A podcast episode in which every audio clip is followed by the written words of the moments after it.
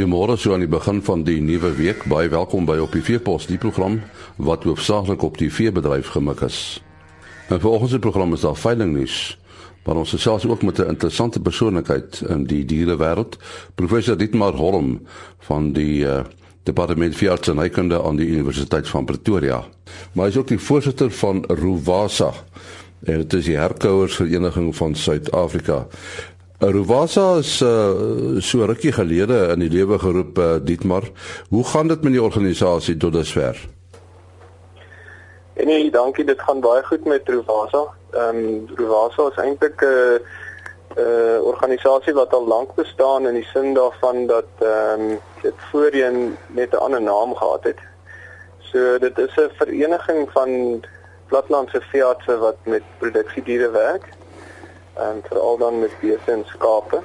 En dit is 'n groep van die Suid-Afrikaanse Veterinêre Vereniging wat ook al baie jaar lank bestaan. So ons het maar net die naam van die organisasie verander om uh dit bietjie meer byderwets te maak. En ehm um, dit is nog steeds 'n groep van die Suid-Afrikaanse uh veeartsnykundige vereniging soos ek sê. Nou, dis saam met die uh, opkoms van van die wildboere en natuurlik is veeartse ook betrokke. Uh, gaan julle nie die uh, sogenaamde wildsveeartse ook aantrek by die herkouers nie?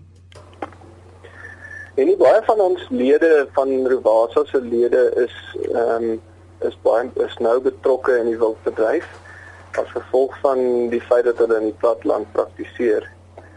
Ehm um, so baie van hulle werk beide in die in die veebedryf en ook in die wildbedryf. Daar is egter 'n ander organisasie wat uh, spesifiek die wildveeartse se belange op die hart dra. Ehm um, so dit is nou nie direk een van die funksies van Rovasa nie, alhoewel baie meeste van ons lede is eintlik in albei die organisasies betrokke.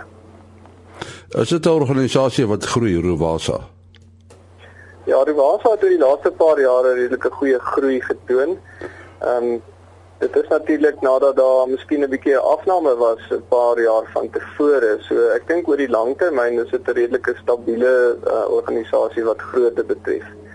Ehm um, oor die laaste sê maar 5 tot 10 jaar het ons redelike goeie groei gesien in ons lede getalle en ook by ons kongresdeelname. Ehm um, ek dink dis maar die, organisasie wat op die oomblik weet ek 'n goeie werk doen en en goeie aftrek sien. Nou dit maar hoekom het jy 'n veearts geword? en nie uh, baie mense vra hoekom ek 'n veearts geword het en uh, baie veeartse word daai vraag gevra. En ons werk in 'n in 'n ongelooflike ehm um, verskeidenheid van areas as 'n professie. Eh, van van 'n veearts wat in die stad praktiseer en uh, miskien met klein diertjies werk of met troeteldiere tot mense wat met wild werk wat met baie groot diere werk. En ek dink daar's een een uh uh gemeenskaplikheid in in die veeartsbedryf en dit is 'n passie vir diere. Ek dink ons almal het daai passie vir diere wat ons eers gekry het in ons in ons jong dae gewoonlik. Ehm um, so ek dink net soos baie ander veeartse is ek op 'n jong ouderdom blootgestel daaraan en het daai passie ontwikkel en van daar af het dit maar het dit maar so gebeur. Is daar nou 'n spesifieke gebied waarop jy spesialiseer in jou akademie? Ja, en ek is 'n spesialis veearts in in beeskudde gesondheid. So dit is my spesialisgebied. Uh, op die oomblik werk ek in reproduksie. So ek is besig om myself verder te bekwam om uh, in die veld van reproduksie spesifiek in in groot vee. Uh, maar ook dan in ander spesies. Uh, by die fakulteit het ons 'n uh, uh, um, afdeling reproduksie wat oor verskillende spesies werk. So ons werk eintlik in in honde en perde en dan in vee. Dis die is die grootste area van ons werk en 'n bietjie in wild ook. Uh, jy het vroeër genoem van klein diere, die sogenaamde geselskapdiere. Is daar nie 'n geneigtheid by uh veeartse of uh, mense wat in veeartsenykunde studeer om liewer na die uh, die klein dier uh praktyke toe te gaan nie? Nee, nee, dit is een van my persoonlike passies om te probeer verseker dat daar genoeg veeartse vir die toekoms in in produksiediere bly. Veral in ons land is dit baie belangrik dat ons bedryf uh, ons veeartsbedryf goeie verteenwoordiging het in die veebedryf. So ons het by die fakulteit sekere strategieë in plek gesit om studente se belangstelling te prikkel en om studente ekstra blootstelling te gee in in die veebedryf spesifiek. Uh, maar eintlik in plattelandse praktyk oor die algemeen. So uh, ons sien dit as 'n potensiële bedreiging vir die veeartsbedryf dat uh, daar groter um, wordende belangstelling is in stadspraktyk. En dit is niks unieks in ons beroep nie, dis maar soos wat verstedeliking uh reg deur die wêreld plaasvind, gebeur dit nou in ons beroep ook dat uh, mense word al hoe meer verstedelik. So ons studente wat ons trek na die fakulteit toe kom ook meer uit uit stedelike agtergrond as in die verlede. Um, omdat die populasie van ons land al hoe meer verstedelik en dan is dit nou so dat mense wat van die stad af kom is geneig om terug te gaan na die stad toe. So ons het sekere strategieë wat ons probeer om om ons studente ekstra blootstelling te gee om te probeer verseker dat ons genoeg veearts in die toekoms op die platteland sal hê. Want ek ek voel dis baie belangrik vir vir ons beroep, maar natuurlik vir die land ook dat veearts op die platteland sal bly. En en uh um, werk wat gedoen word om om byvoorbeeld swart veeartse op te lei, hoe vorder dit? En nie, ons het by die fakulteit ehm, 'n um, kwota stelsel met die inname van studente. So daar is 'n kwota vir vir swart studente. Ehm um, wat ons egter in die verlede die laaste paar jaar ondervind het is dat ons sukkel om die kwota gevul te kry daar is nie genoegsame belangstelling nie en ons ons doen baie werk as fakulteit om die ehm um, beroep teats te, te promoveer of te bevorder onder swart studente. En veral veral onder swart studente wat die um, akademiese vermoë het om ons kursus deur te kom. So dit is nog iets waaraan ons harder moet werk in die toekoms. Ehm um, die klasse wat nou uh, die eerste en tweede jaar is dit redelik 'n groot uh, komponent swart studente. Maar dit ehm um, dit is nog steeds nie waar ons die getalle graag sou wil hê nie. Ons het egter die studente getalle by die fakulteit het baie toegeneem die laaste paar jare. So ons het nou in totaal 190 studente wat in ons eerste jaar inkom. Ja, en waarvan daar dan nou 'n redelike kwota is van swart studente ook. En is daar van die studente wat uh, van elders kom van uh, die res van Afrika? Eintlik baie min. En ons ons sou graag meer um, studente van uit Afrika wou wou gehad het, maar daar is 'n paar ander veeartskole in Afrika. Ons is die enigste veeartskool in Suid-Afrika op hierdie stadium by die Universiteit van Pretoria, maar uh, daar is wel ehm um, in Zimbabwe en in in Mosambik is daar veeartsfakulteite dan wat nou naby aan ons ons is en dan bietjie verder weg is daar 'n hele klomp veeartspraktyke in Afrika, ag eh, veeartsfakulteite in Afrika. Ehm um, Namibië is ook besig met die ontwikkeling van 'n fakulteit. Ehm um, so daar is wel ons is besig met samesprekings met Botswana.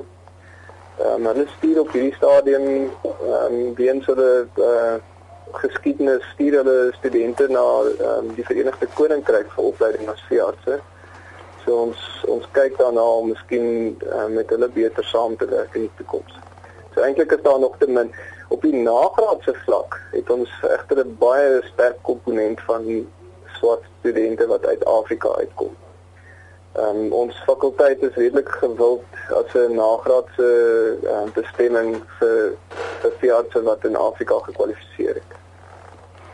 Ja, veeartse wat in Afrika gekwalifiseer het, is natuurlik by uitstek uh, geskik om in Afrika te te praktiseer nee, want Afrika het sy eie sy eie soort siektes.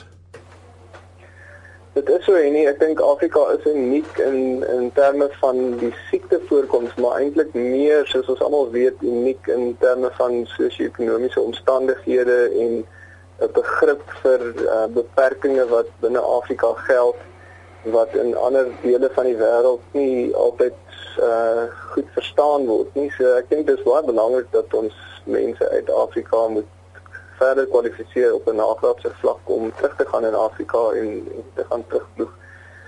Ehm um, en ek dink ons fakulteit speel 'n baie belangrike rol daarin.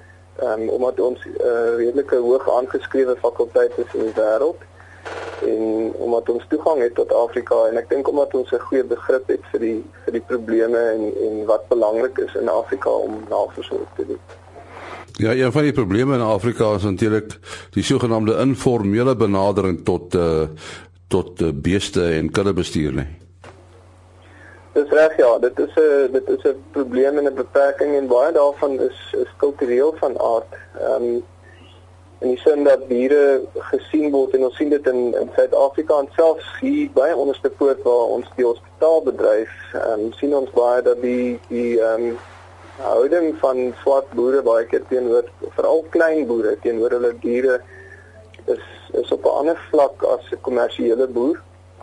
En uh, daar is 'n bietjie 'n kopskuif nodig om om uh, te verander van 'n bestaansboerdery af na 'n kommersiële boerdery en ek dink daar kan ons 'n belangrike rol speel. Ek dink as as Fiat se het ons 'n redelike goeie begrip van kommersiële omstandighede. Ehm um, veral Fiat se wat in die veebedryf werk en ek dink ons het 'n hopelik kan ons 'n goeie rol speel om van hierdie boere te verander na kommersiële status toe.